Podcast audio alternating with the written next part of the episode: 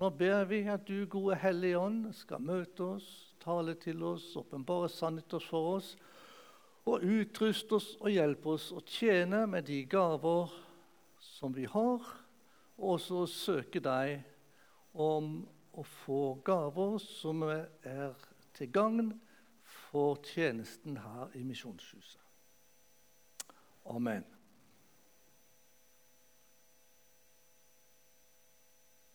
Ja Det var jo fint å se her. Det står jo i 1. Korinterne 14, 26. Hva mener jeg da, søsken? Når, jo, når dere kommer sammen, har en en salme, en annen et ord til lærdom. En har en åpenbaring, en har en tungetale, en annen har tydningen. Men la alt tjene til å bygge opp. Og det er det som står eller Dette står om hvordan er det når vi kommer sammen. Og Det å komme sammen er jo en viktig ting for oss. Det er liksom det vi må gjøre. Og så er vi litt opptatt av at ting skal være sånn som Guds ord sier. F.eks. For i forhold til tjenestedeling, i forhold til eh, mange ting. Så, så vil vi jo gjerne gjøre det sånn som Guds ord sier når vi kommer sammen. Så her står det da litt om hvordan det skal være når vi kommer sammen. Så deler vi det vi har. En salme, en lærdom, noe vi har sett i Guds ord, vi vil undervise. En åpenbaring som vi har fått. En tungetale og en tydning. Og så eh, må vi jo kanskje spørre oss da ja, er det sånn når vi kommer sammen. Ikke alltid, kanskje. Eh, det står i Romerne 12 om disse nådegavene. Vi, vi, er jo Kristi lemmer. Og så står det i Romerne 12,4.: For på et legeme har vi mange lemmer, men ikke alle lemmer har samme gjerning. Slik er også vi ett legeme i Kristus, enda vi er mange, men hver for oss er vi hverandres lemmer. Alt etter den nåde som har gitt, har vi ulike nådegaver. Og Så er det litt om hvordan vi skal tjene med de gaver vi har. Og Da kan det jo være greit å vite litt og mer om hva slags gaver vi har.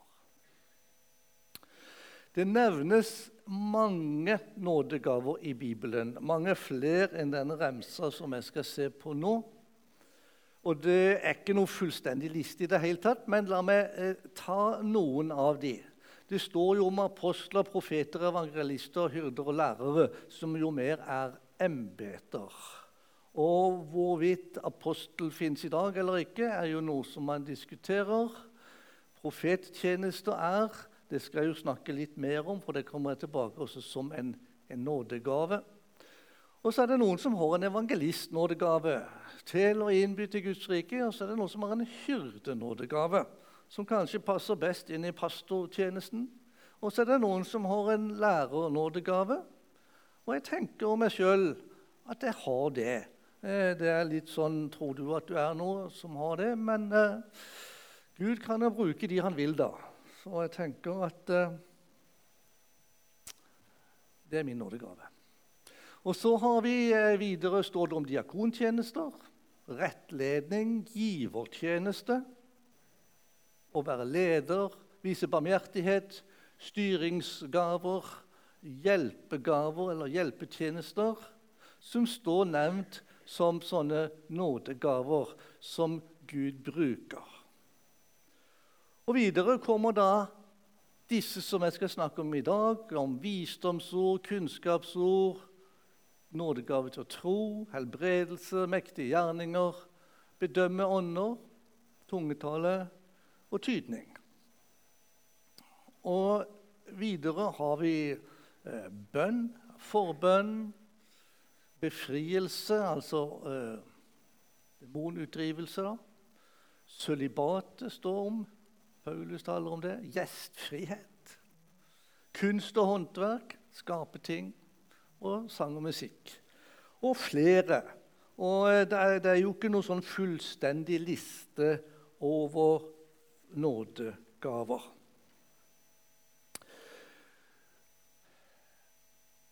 Men det som jeg skal si litt om, det er det som står i eh, 1. Korinterne 12, da, fra vers 7. Hos hver enkelt gir Ånden seg til kjenne slik at det tjener til det gode. For en og samme ånd blir det gitt en å tale visdom, en annen å formidle kunnskap. En får ved den ene ånd en spesiell trosgave. En annen får nådegaver til å helbrede en får kraft til å gjøre under. En får gave til å tale profetisk. En annen å bedømme ånder. En får ulike slag av tungetale, og en annen kan tyde tunger. Det kommer jeg til å, å si litt om. Disse kan man inndele hvis man vil. Nå går det kanskje litt fort, men det er ikke så farlig i åpenbaringsgaver. På en måte De man får åpenbart fra Gud. Visdomstale, kunnskapstale og gave til å prøve ånder. Og Gud på en måte viser en om dette er av Gud eller ikke. Og så har du kraftgaver, trosgave, nådegaver til helbrede, kraft til å gjøre mektige gjerninger. Så snakker man også om talegaver, da, som da er en profetiske gave, tungetale og tydning av tungetale.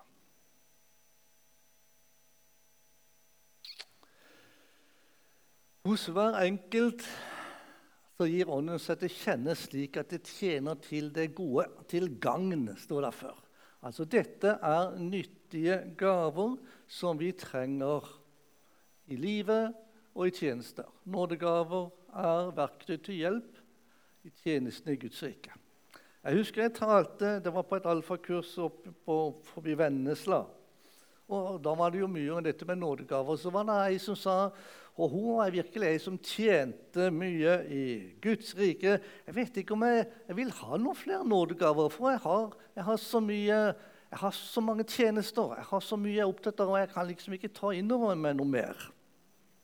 Så visste jeg ikke helt hva jeg skulle si, men jeg fikk akkurat som en, en, en tanke eller et bilde. at uh, Tenker at du gikk hun da, hjem over mot huset sitt. Og så uh, Før hun kom hjem, så møtte hun naboen som sto der med en spade. Og han holdt på i jorda, så sa han, 'Her er en spade til deg òg.' Og hun sa, 'Nei, nei, jeg har visst nok med mitt eget'. Og Så eh, tenkte jeg litt lenger frem, og så tenkte jeg det begynte å bli høst. Og så sto der og så eh, skulle ta opp løken før jorda frøs. Og så kom den samme naboen med den samme spaden med de samme ordene. 'Hei, her er en spade til deg òg.' Og da vil hun si, 'Oi, så bra! Det var akkurat det jeg trengte, for jeg måtte få gjort denne jobben.' Og Sånn kan det være litt med nådegaver. Det er når vi trenger det. Det er ikke noe vi kan gå rundt og roses av, og, og, liksom, men det er redskaper vi trenger i tjenesten i Guds rike, der hvor vi er. Ok, Da kan vi begynne i eh, vers 8. Og Den første som nevnes her, det er det som heter visdomstale. For ved en og samme ånd blir det gitt en å tale visdom. Uh, egentlig så står det ved ånden blir det gitt visdomsord. Og Da er det nok først og fremst tale her om, om en visdom ifra Gud. Guds visdom. Visdom om Gud, om evangeliet, Paulus skriver, for å bare få utdype litt, i 1. Korinterne 2,6.: Likevel forkynner også vi en visdom for dem som er modne. Det er en visdom som ikke hører denne verden og denne verdens herskere til, de som går til grunne. Og, og vi som forkynner, trenger visdom til å se inn i, i i Guds lov, og det gjør vi jo alle. Trenger en visdom som ikke verden kjenner til, om hvem Gud er, hva han har gjort. Og eh, den visdommen skal vi forkynne. Men eh, det er nok ikke bare det denne nådegaven handler om, som vi kan be om å få visdom. Det handler også om eh, Guds visdom angående forskjellige situasjoner som vi møter, hvor vi trenger visdom fra Gud. Hva gjør jeg nå? Her skriver Paulus noe i Kolosserne 1,9. Helt fra den dag vi fikk høre om dette, har vi ikke holdt opp med å be for dere. Og vår bønn er at dere må bli fylt av kunnskap om Guds vilje og få all den visdom og innsikt som Ånden gir. Da kan dere leve et liv som er Herren verdig, og som fullt ut er etter Hans gode vilje. Da bærer dere frukt i all gjerning og vokser i kjennskap til Gud. Så det handler om en visdom som hjelper oss til å leve rett, handle rett og ta riktige avgjørelser i forskjellige situasjoner. Særlig da i vanskelige situasjoner hvor man ikke vet helt hva man skal gjøre. Be Gud om visdom. Det står jo om Stefanus, da. Men de kunne ikke stå seg mot den visdom og ånd som hans ord var båret av. En visdom han fikk. Og eh, i Jakobs brev Dersom noen av dere mangler visdom, skal han be til Gud. Han skal få, for Gud gir til alle villig og uten bebreidelser. Så denne gaven trenger vi alle sammen og Det er ikke nødvendigvis at det er én person som har den gaven, men det kan det godt være også, som Gud bruker spesielt til å gi visdom inn i situasjoner. Så Det er en kort oppsummering på den først. Nådegaven til å forkynne visdom innebærer trolig å formidle guddommelig visdomsord med kilder sentrum i evangeliet om Jesus på en direkte måte som treffer kristne og ikke-kristne tilhørere med åndelig gjennomslagskraft. Og gaven gir også visdom til å svare rett i vanskelige situasjoner. Det var den første. Er det noen som sitter med noen tanker om det, så kan vi eh, stoppe litt mellom hver. Eller så gir vi anledning til samtale også inn imellom. Ja?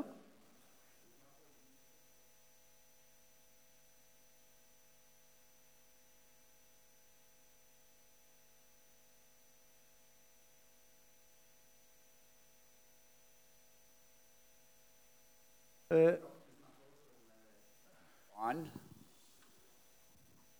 om Hun med Ja.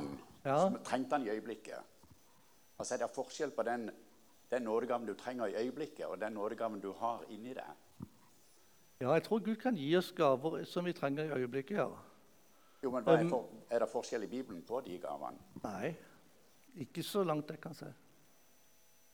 Nei. Jeg, jeg, jeg tenkte jo da at Den hellige ånd den har også gaver. Den hellige ånd har jo gaver. Den har vi alle sammen, mens jeg har en evne også. Jeg er flink til noe, andre ting er jeg ikke flink til. Altså, Du er flink til å lære, det er ikke jeg. Skjønner du? Ja, Tenker du på forskjell på naturgaver og nådegaver? Ja, jeg, jeg, lurer på om det er det. Ja, Det tror jeg. Ja. Men jeg tror Gud kan bruke en naturgave og, og velsigne den og, og gjøre den til en nådegave. Men det er ikke sånn at alt mulig er nådegave. Du, kan, du har ikke nådegave til å koke kaffe, men du kan ha en tjenestegave som innebærer å koke kaffe. Ja, men det er greit.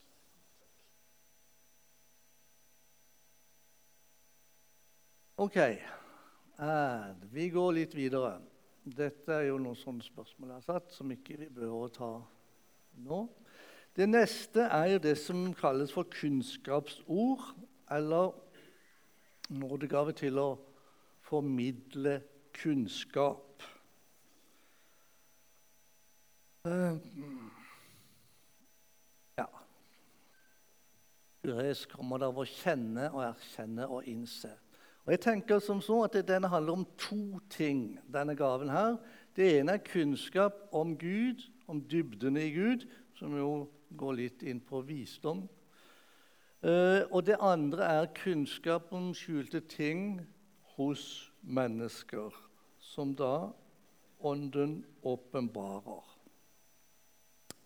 Skjulte ting hos Gud først. Og Da handler det om å formidle dybden i Guds frelsesplan, som jo eh, går litt inn på det med å få visdom fra Gud i forkynnelsen. Der eh, første 2. Korinther 11,6.: Selv om jeg er lekmann i veltalenhet, er jeg det ikke i kunnskap, sier Paulus. Og den har jeg alltid og i alle spørsmål lagt fram for dere. Det er den ene. Og den andre er at dette også handler om kunnskap om skjulte ting hos mennesker, som Gud da gir og åpenbarer.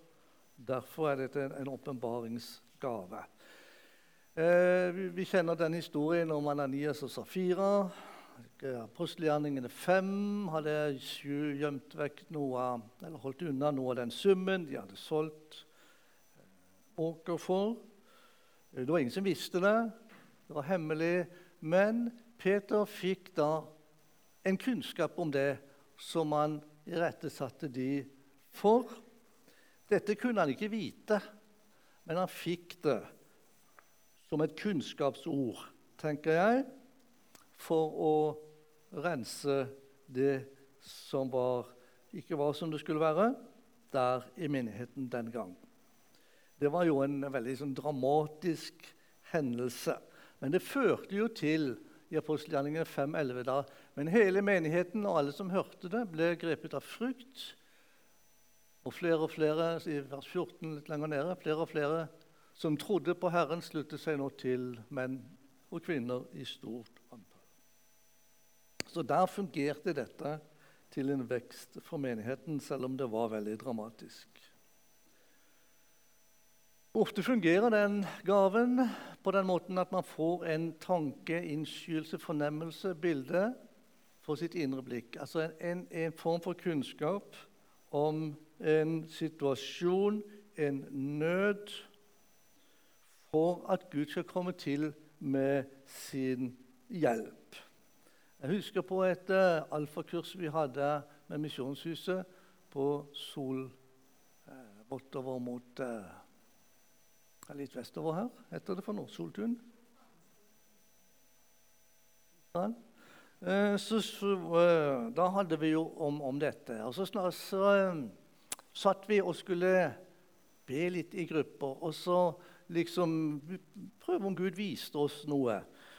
Når han lukker øynene, så kunne han jo se veldig mye. Da. Så jeg så liksom et, et øre som ble til et spørsmålstegn. Det, det, ga jo ikke mening. Det var jo var ikke noe det. Men så tenkte jeg kan jo si det, så sa jeg det at jeg så akkurat som, som et øre som ble som et, et spørsmålstegn.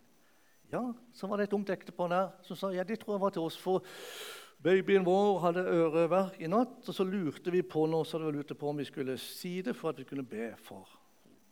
Og så På en måte ble det en liten push for at de kunne gjøre det. Og jeg tenker det var fra Gud.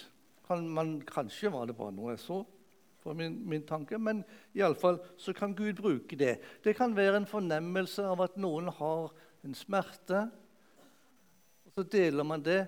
Og hensikten med det er jo dette å skape tro hos mennesker for at man skal søke Gud om hjelp.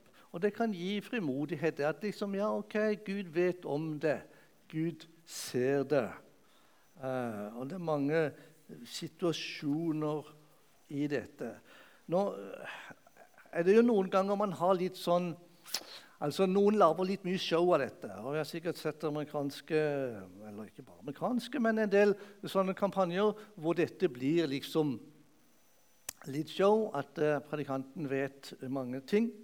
Og det gjør at vi bremser litt og tenker dette vil vi ikke ha noe av. Men selv om noen misbruker gaver og, og bruker de feil, så må ikke det gjøre at ikke vi bruker de rett. Og jeg tror at det er en gave som Gud uh, vil uh, utruste oss med for å hjelpe oss til å søke Han om forbønn for sykdom eller andre ting som Gud Eh, peker på.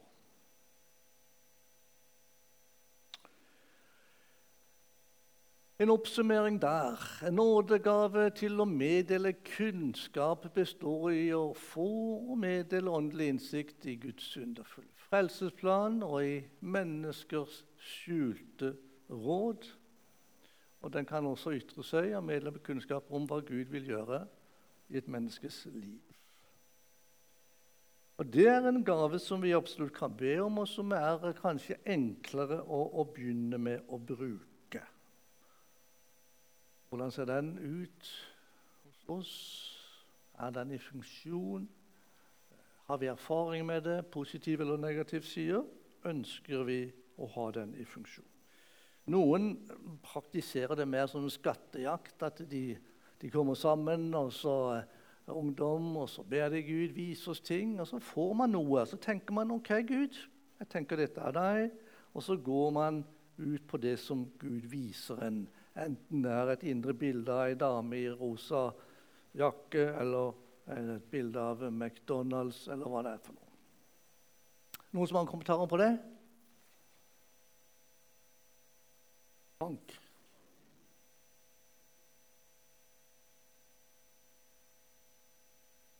Det flyter litt i, i ett for meg. Kan, kan, du hjelpe meg til å skille visdomstale og kunnskapsord? Hva er den, den forskjellen mellom de to? For meg blir det litt synonymer. Ja, eh, det gjør nok det. Eh, men altså, den siste her, med at Gud viser en eh, ting, skjulte ting med mennesker, det har ikke så mye med visdom å gjøre, tenker jeg. Men det å forkynne, altså å få at Gud gir oss kunnskap om hemmelighetene i Gud, og visdom om Gud, det går nokså i hverandre. Da eh, syns jeg det er vanskelig å skille der. Men dette er et forsøk på å, å lage en eller annen boks å legge det i. Eh, men altså, kunnskapsord som, eh, som det å, å, få vite noe om andres nød, den skiller jeg nokså klart fra visdom. Jeg har et lite spørsmål der. Ehm, jeg sitter på et møte. Taleren sier at eh, der sitter folk i salen som har vondt i det venstre kneet. Jeg har lyst til å be for det. Ja. Kan den gjøre seg til kjenne? Ja. Hva, er det kunnskapstale eller er det visdomstale? Eh, hvis, hvis, hvis, det fungerer, så tenker jeg det skal være et kunnskapsord. Men hvis det er en stor sal, så er det jo meget sannsynlig at det er ganske mange som sitter der med et uh, vondt kne så sannsynligheten er stor for at han vil treffe. Men hvis det da fører til at ja, den som sitter med treet, får tro med, med kneet, får tro for at jeg vil bli bedt for, og gå fram og bli bedt for, så er det fint likevel. Um, men jeg ville, jeg ville putte det i båsen kunnskapsord.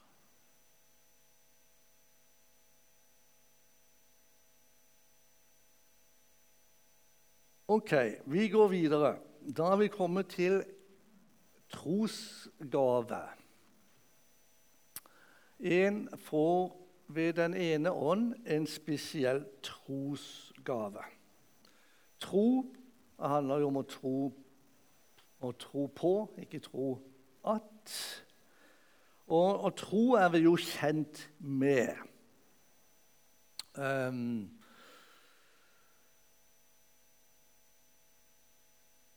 Troen er ikke bare en bestemmelse, bestemmelse for tro, det er en gave. Og I Romerne 10, 17 leser vi så kommer det troen av det budskapet en hører. Budskapet kommer av Kristi ord. Og så sier jeg det. Alle kristne har tro.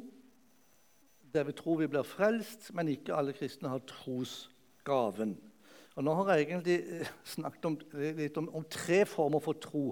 Det ene er jo å tro at Gud fins, tro at Jesus lever, tro at Jesus døde for verdens synd, det er ikke noe frelsende tro. Altså, Den onde òg tror jo det. det. Frelsende tro blir det når troen tar imot det som vi tror, altså tar imot Jesus. Det er en frelsende tro. Her, men her så tales det altså om en spesiell trosgave som ikke handler om den frelsende tro, men en tillit til at Gud kan gjøre mer enn det vi kan fatte og forstå. Ok, Hva er en spesiell trosgave?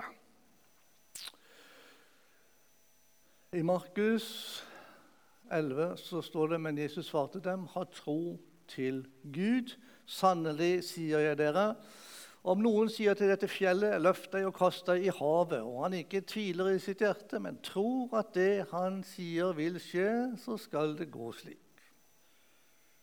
Nå har ikke jeg hørt om noen som har drevet med å kaste fjell i havet noen ganger. Og jeg tror egentlig ikke det var det Jesus mente heller. Men det handler altså om tro. I 1. Eh, Korint 13 så, så, taler Paulus om om jeg har all tro og kan flytte fjell, men ikke har kjærlighet, så gagner det meg ingenting. Men altså tro som faktisk kan flytte fjell det er en trosgave. Egentlig så står det her eh, det står 'ha tro til Gud'. Egentlig står det 'ha, ha Guds tro', eller den troen som Gud gir.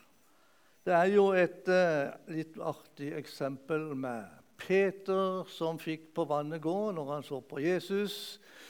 I Matteus 14, 28, da sa Peter til ham, 'Herre, er det deg, så si at jeg skal komme til ham på vannet. Og Jesus så kom, og Peter gikk på vannet. Han gikk i tro. Altså på en måte Det som skjedde noe med, med Peter der Ok, Jesus, hvis du sier det, så tror jeg faktisk at det ikke går an. At det er mulig at jeg kan gå på vannet, selv om han visste jo selvfølgelig at det går ikke an å gå på vannet. Jeg har forresten aldri hørt om noen som har gjort det siden heller. Men Peter gjorde det. Hvorfor skulle han gjøre det? Hva var hensikten? Han skulle jo egentlig ingenting. Han ville bare prøve. Og hvorfor det? Jo, han fikk tro for det. Og så handla han på det. Og det er jo et uttrykk vi bruker det noen ganger, at vi, vi får tro for noe. Og så går vi på det. Og det er en en spesiell trosgave. Det er jo én ting som Jesus refser disiplene for av og til. Og det er at ikke de har tro. Eh, du har jo denne situasjonen hvor de er ute på Genesaretsjøen. Og det blir skikkelig storm. Sikkert ikke så ille som dette, men, men skikkelig eh, storm. Og de her er jo fiskere, iallfall noen av dem, og de vet når det er farlig, og når det er ikke farlig i båt. Og nå var det farlig, og de var veldig redde. Og båten holdt på å synke. Og hva gjør de? Jo, de vet at Jesus er bak i båten, så de vekker han. Og han reiser seg opp og truer vinden og bølgene, og det blir stille. Og etterpå så sier Jesus, det er Markus 44, da sa han til dem, 'Hvorfor er dere så redde? Har dere ennå ingen tro?' Og så tenker jeg ja, men kjære vene, hva skulle de gjort annerledes da? Skulle de ha eh, tenkt at eh, ja, Jesus er jo bak i båten her, så det går sikkert bra, så vi bare lar stormen fortsette? Var det det de skulle ha gjort? Eller skulle de ha gjort det samme som Jesus gjorde? Og hva var det Jesus gjorde? Jo, han reiste seg og trua vinden og bølgene, og så ble det stille. Kunne disiplene ha gjort det? Ja, jeg tror de kunne ha gjort det hvis de hadde hatt tro for det. Tro til det. For det står faktisk om det at vi skal gjøre de samme gjerninger som Jesus. Altså Det handler om å få tro til Gud. Ingenting er for vanskelig for Gud. Det var jo noen damer borte i Bergen for 100 år siden som fikk en nød for uh, kineserne som døde uten å kjenne Jesus. Og så ville de sende evangeliet til Kina. Og Det fortelles jo om en av disse damene som var på ferja over til Bergen. Og Der eh, møtte hun en mann som ikke hadde den troen som hun hadde. Så han sa det å sende misjonærer til Kina med evangeliet. Det er som å strø mjøl på havet. Det monner ingenting. Og hvorpå denne damen svarte dersom dette er fra Herren, så har han mjøl nok. Og det er en sånn trosgave. Altså, Gud kan. Det ser helt umulig ut, nytter ikke menneskelig talt, men hvis du får tro for det, så går det. Og den trenger vi, den gaven der. Når motløsheten brer seg, og folk sier nå nytter det ikke, nå kan vi bare gi opp, så trenger vi noen som har denne trosgaven. Gud kan. Ingenting er for vanskelig for Gud. Det handler om å gå på Guds ord, Guds løfter, eller på den ledelse som man tenker at Gud gir.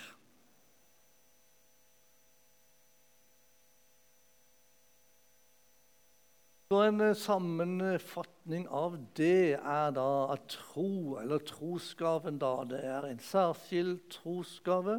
Det er en visshet som Ånden gir om at Gud vil gjøre det umulige mulig og virkelig. Det er en visshet om at han vil høre konkrete bønner før bønnene er innfridd. Det er en visshet om Guds ledelse i konkrete situasjoner. Og Her er det kanskje noen som har erfaringer eller opplevelser med det. Noen som tenker på noe i forbindelse med trosgaven. Er det noe vi eh, har, kan be om, eller som Gud gir i øyeblikket?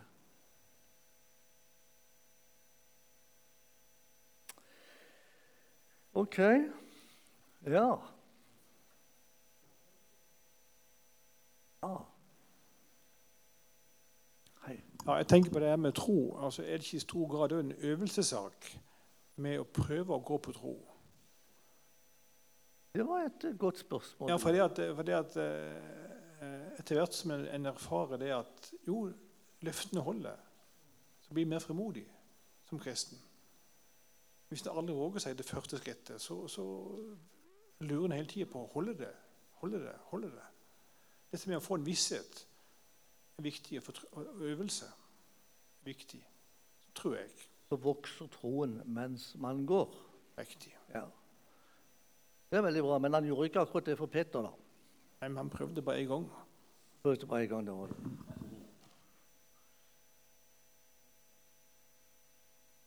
Ja Eh, vi får holde på en stund til før vi tar en pause. Eh, vi skal snart ha en pause og så eh, med litt kaffe og litt, og så fortsetter vi etterpå. Den neste er da det som heter nådegaver til å helbrede. En annen får nådegaver til å helbrede, står der. Eh, nådegaver her står i flertall. Hva betyr det? Kan, jeg vet ikke, men jeg tenker kanskje det kan være kvantitativt. At det er flere nådegaver, altså flere personer i menigheten som har denne gaven, denne nådegaven. Og så kan det være kvalitativt forståelse at det er forskjellige typer nådegaver til å helbrede forskjellige sykdommer i forskjellige situasjoner, kanskje. Det er jo viktig å understreke selvfølgelig at det er Gud som helbreder, men han bruker altså oss. Så kan du spørre hvorfor helbreder Gud? Hvorfor helbreder Jesus? Jesus kom jo for å gjenopprette følgene av syndefallet, som førte til skille mellom Gud og oss, men også til sykdom og død. Og eh, Jesus døde på korset og sonet vår synd. Og så står det også om at han tok våre sykdommer på seg. Jesaja 53. Sannelig, våre sykdommer tok han på seg, og våre smerter bar han. Vi trodde han var blitt rammet, slått av Gud og plaget, men han ble såret for våre overtredelser, Knust for våre misgjerninger, straffen lå på han for at vi skulle ha fred, og ved hans sår har vi fått legedom. Når vi leser dette, så har vi jo mye fokus på synden som han tok på seg, og det er jo riktig, men det står altså også om sykdommer. Og øh, noen ganger så tenker vi at ja, men det handler ikke egentlig om helbredelse. Men når Matteus skriver i Matteus 8 om hva Jesus gjorde når han gikk omkring og helbreda, så står det i Matteus 8, 16, da det ble kveld, brakte folk til ham mange som var besatt av onde ånder. Han drev ut åndene med et ord og helbredet alle som var syke. Slik skulle det bli oppfylt, som var talt ved profeten Jesaja. Han tok bort våre plager og bar våre sykdommer. Så der trekker Matteus en direkte link til det ordet.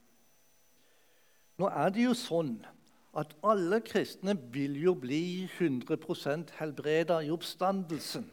Og det tenker jeg var det Jesus tilveiebrakte da han bar vår synd opp på korset. At vi skal få leve i himmelen uten synd, men også uten sykdom og uten død. Men allikevel så får vi også i dette livet av og til en forsmak på himmelen og på det som Jesus tilveiebrakte for oss der på korset. Jesus helbredet for å vise at Guds rike var kommet nær.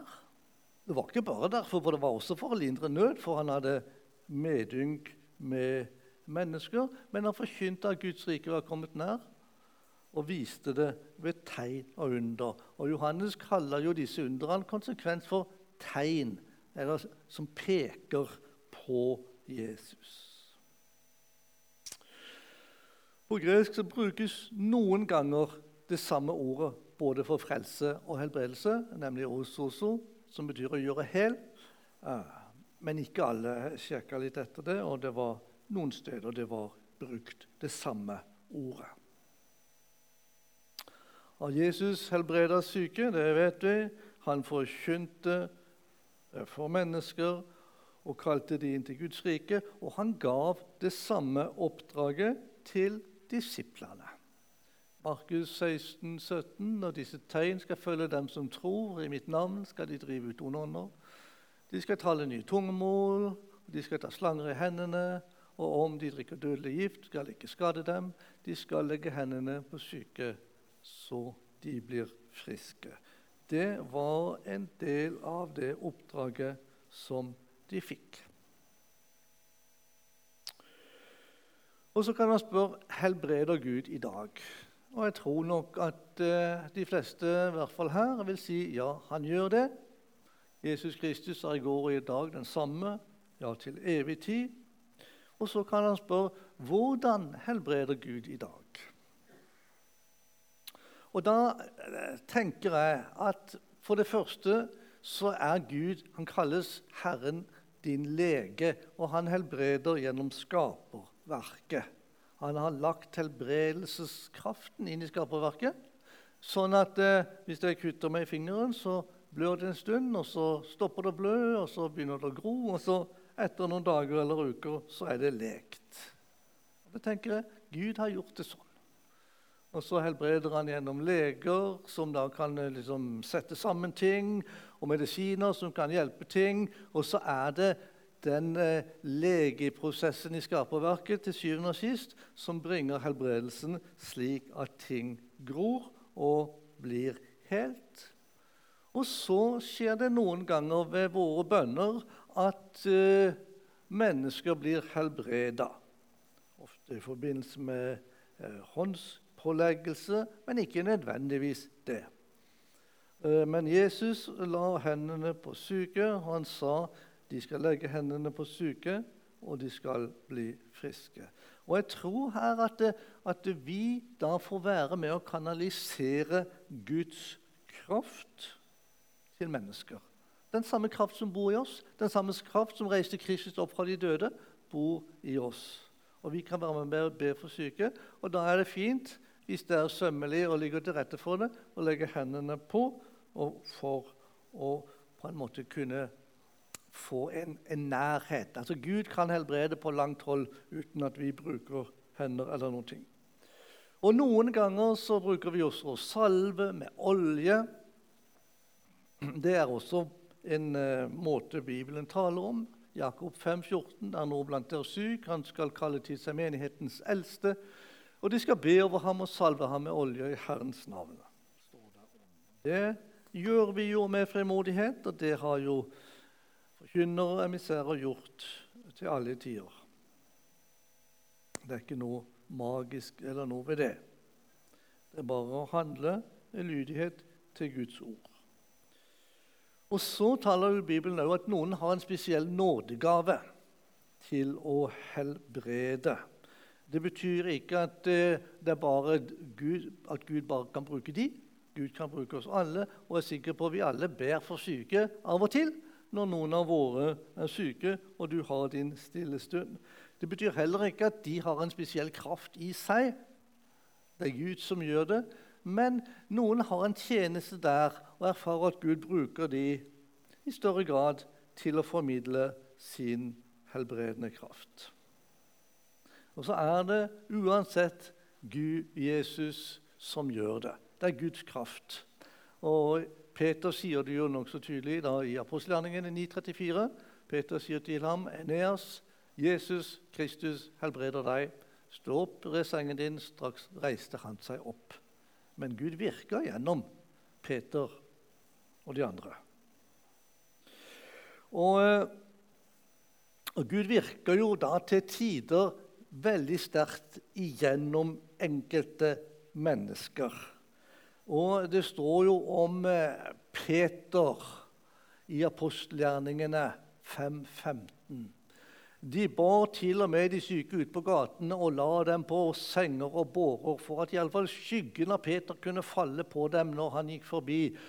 Også fra byene rundt Jerusalem kom det mengder av folk som bar med seg syke og slike som var besatt av urene ånder, og alle ble helbredet. Og jeg tenker det var oppstandelse. Det var sikkert 17. mai-stemning, altså.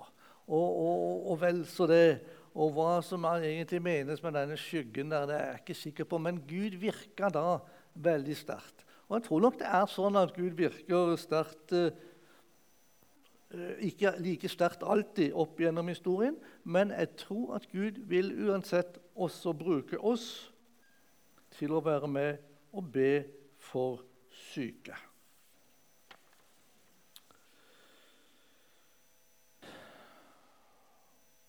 Hvordan virker den nådegaven i vår forsamling?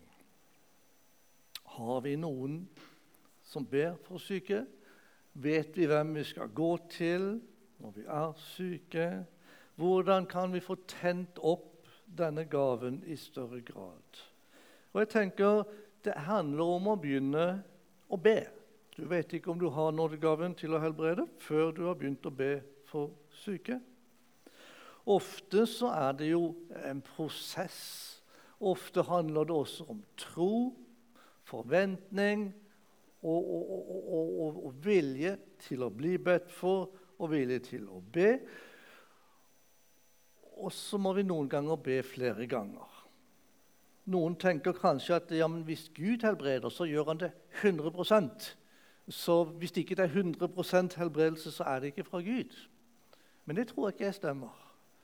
Jeg tror at helbredelse er en prosess, og du kan be en gang, og noen føler seg litt bedre. Eller de får iallfall en styrke eller en fred. Og det er fint, og det er fra Gud. Og så kan man be en gang til, og så blir det enda litt bedre. Og så kan man holde på på ny og på ny. Og så kan man etter hvert erfare om man har en spesiell gave og tjeneste til å be for syke. Og Det er en nådegave som vi trenger å få i funksjon. En eh, oppsummering på den heter 'Ved nådegave til å helbrede virker Guds ånd gjennom enkelte kristne, slik at syke blir friske hvor og når Gud vil, slik at det tjener Gud til ære og den syke til gagn'. Ja, nå står det her hvor og når Gud vil. Og Da er det spørsmålet kanskje ja, men vil Gud? Og hvis jeg spør dere, så tror dere helt sikkert at Gud kan helbrede. Det tror vi. Og Hvis du har en syk en og du skal be kan Gud helbrede han? Ja, det tror vi. Men vil han? Der er det spørsmålet. Og jeg tror Gud vil. Eh, det var en som spurte Jesus om du, om du vil, så kan du gjøre meg frisk. Og Jesus svarte, 'Jeg vil bli frisk'. Jeg vil. Jeg tror ikke Gud sier 'nei, jeg vil ikke gjøre deg frisk'. Jeg tror mye henger på om vi faktisk ber. Jeg tror om vi ber mer, så vil vi erfare mer. Dere har ikke fordi dere ikke ber. Ja, er det noen spørsmål nå, så tar vi også en pause. Og så fortsetter vi etterpå med resten. Er det noen som har noen spørsmål eller noen kommentarer eller omkring dette med helbredelsesgaver? Ja. Altså, jeg syns egentlig dette er litt vanskelig. Ja. Um, jeg syns det er vanskelig slags, hvis du skal be for syke, hva slags ord du skal bruke. Altså Skal du på en måte befale Gud? Det kan du høre i noen sammenhenger. Så, og jeg syns òg det er vanskelig når folk er alvorlig syke, og du skal helse med et bibelord f.eks., eller gi dem mot eller kraft eller styrke, hva slags ord du kan bruke. For det er liksom to det er to sårbare par, det er iallfall én sårbar part oppi dette som kan nok skape noe som skaper større tvil og fortvilelse. Og, så jeg syns, det er flott at vi tar det opp, men, men jeg syns faktisk det er litt det er vanskelig. Det er veldig vanskelig.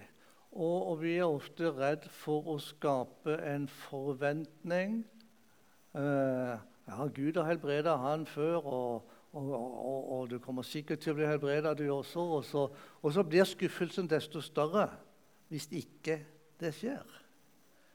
Så jeg spør noen ganger skal vi, skal vi på en måte forsøke å bygge opp troen og forventningen og håpet om helbredelse med den risikoen at skuffelsen blir større? Eller skal vi holde forventningen litt lavt? Og ikke skape så mye forventning for at ikke skuffelsen skal bli så stor. Noen som har noen tanker om det?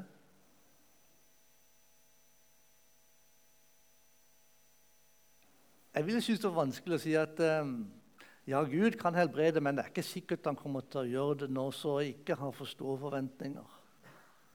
Jeg tenker jeg vil heller bygge opp troen med den forventningen, med den risikoen, at det er ikke sikkert det skjer.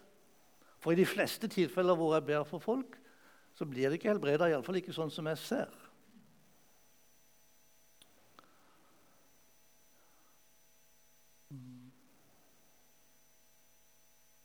Eh, og hvordan ord man brukte. Eh, Jesus og disiplene talte jo om at 'vær helbredet i Jesu navn'. Eh, jeg ber gjerne, kjære Jesus, jeg ber om at du skal helbrede denne. Men jeg har tro på at Gud kan, og Gud vil. Jeg, kan jeg få lov til å si noe? Jeg, jeg syns det er så enkelt at jeg, Bibelen ber meg å be. Og da ber jeg, og så er det opp til Gud om han helbreder eller ikke. At du ber... Jeg, jeg, gjør det Bibelen sier jeg skal gjøre. Jeg ber for ja. folk. ikke sant? Ja. Og så er det opp til Gud å helbrede. For det er ikke meg som gjør det. Det er jo sant. Og da bygger jeg også tro. Ja. Men ber du da 'Vær helbredet i Jesu navn', eller ber du 'Kjære Jesus, jeg ber at du skal helbrede denne'? Eller ber du 'Jeg ber at hvis det er din vilje, så må denne hel bli helbredet'? Jeg ber om at jeg blir helbredet i Jesu navn. Amen. Ok, skal vi ta en pause der? Jeg tror det er noen kaffe på gang. Så uh, fortsetter vi litt etterpå.